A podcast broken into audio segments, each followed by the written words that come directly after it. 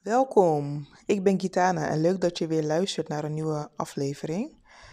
Ik heb het regelmatig op uh, social media over ondernemen op jouw eigen voorwaarden. Voor mij een heel belangrijk onderwerp. En ik dacht, laat ik daar even wat dieper op ingaan, want ik kan me voorstellen dat het misschien um, ja, een vaag begrip is. Uh, voor mij is het heel belangrijk, omdat ik mijn leven op een bepaalde manier wil leven. En ik wil dat het er op een bepaalde manier uitziet.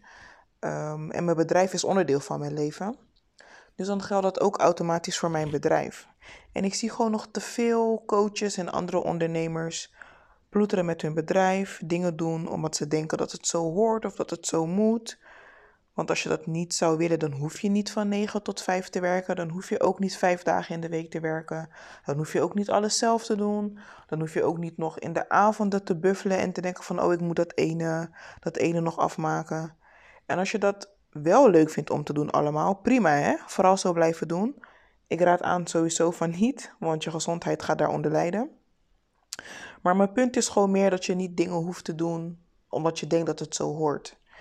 En het is jouw bedrijf, dus jij bent de baas. Zo simpel is het. Als jij denkt van, joh, ik wil een eigen kantoor, dan is dat prima. Maar zorg ervoor dat, dat, dat die behoefte om een eigen kantoor te hebben vanuit jouzelf komt. En niet omdat je denkt dat dat zo moet. Ik werk vanuit huis.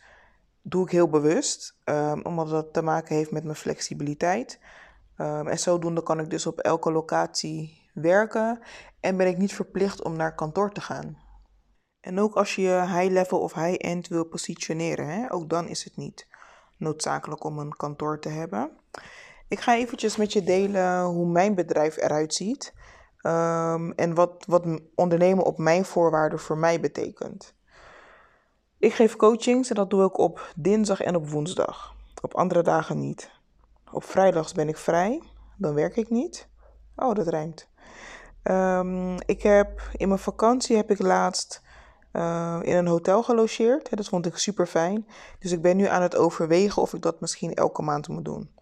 Misschien is elke maand te enthousiast. Misschien moet het om de zes weken of om de twee maanden.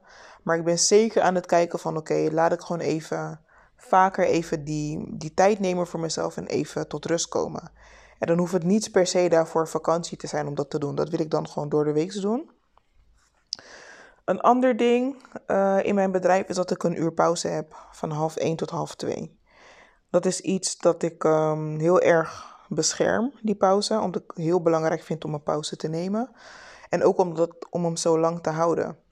Toen ik bijvoorbeeld in loondienst werkte, had ik een, een half uur lunchpauze. En dat vond ik verschrikkelijk. Ik vond het verschrikkelijk, verschrikkelijk, verschrikkelijk.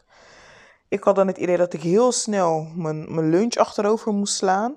Uh, en dat ik dan al gelijk daarna weer door moest pakken. Omdat ik gewoon nog even wilde bijkomen en nog even, misschien nog even een wandelingetje wilde maken. En dat paste gewoon niet in dat half uur. En op een gegeven moment toen dacht ik ook tijdens mijn ondernemerschap van ja, maar waarom ben ik ook maar een half uur aan het lunchen en doe ik dat niet langer? Nu ga ik tijdens de lunchpauze lunchen. En daarna doe ik ook eventjes een wandeling maken, nog even een boodschapje als dat moet. Maar ik zit gewoon ruimer in mijn tijd. En ik moet zeggen dat ik daar heel weinig van afwijk, heel weinig. Dus als ik dat doe, dan, uh, dan is het echt wel iets wat ik belangrijk vind. Uh, wat is nog meer iets wat hoort bij ondernemen op mijn voorwaarden? Nog even over dat coachen. Hè? Ik geef dus coachings op dinsdag en woensdag. En ik heb wel eens een klant afgewezen omdat die niet beschikbaar was op dinsdag en woensdag. En nu kun je denken van, oh, dat is wel een ding, want je zegt dan nee tegen geld. En dat is één manier om het te interpreteren. Uh, maar ik zeg vooral ja tegen mezelf en tegen dat wat ik belangrijk vind, namelijk mezelf. Dus elimineer gewoon dingen waarvan jij denkt van ja, weet je, waarom doe ik dit? Wil ik dit? En besteed het uit. Weet je, een boek besteed het uit aan een boekhouder, je nichtje, de buurvrouw, geen idee wie. En versimpel het, hè. Maak dingen simpel. Dat is ook echt, echt iets waar ik op hamer bij mijn klanten. Maak dingen gewoon simpel. Want je hoeft het niet ingewikkeld te maken. En waarvoor? Als je niet wil werken met funnels, prima, doe je het niet. Als je geen complete website wil hebben, prima, doe je het ook niet. Maar zorg dan wel dat je iets van een pdfje hebt waar wat extra informatie um, op staat. Um, ik denk dat ik hiermee ga afsluiten. Ja. Het was een, uh, vrij korte aflevering, maar er komt absoluut nog een, uh, een vervolg op deze aflevering.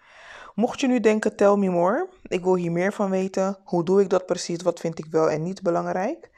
Ik organiseer op 28 oktober de High Level Business Mastery, waarin we in één dag um, dit helemaal onder handen gaan nemen en natuurlijk nog veel meer.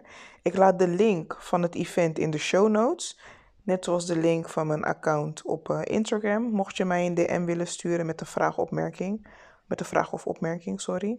Lijkt me sowieso leuk om je te ontmoeten trouwens. Dus um, stuur me sowieso gewoon eventjes een berichtje om me te laten weten dat je deze aflevering geluisterd hebt.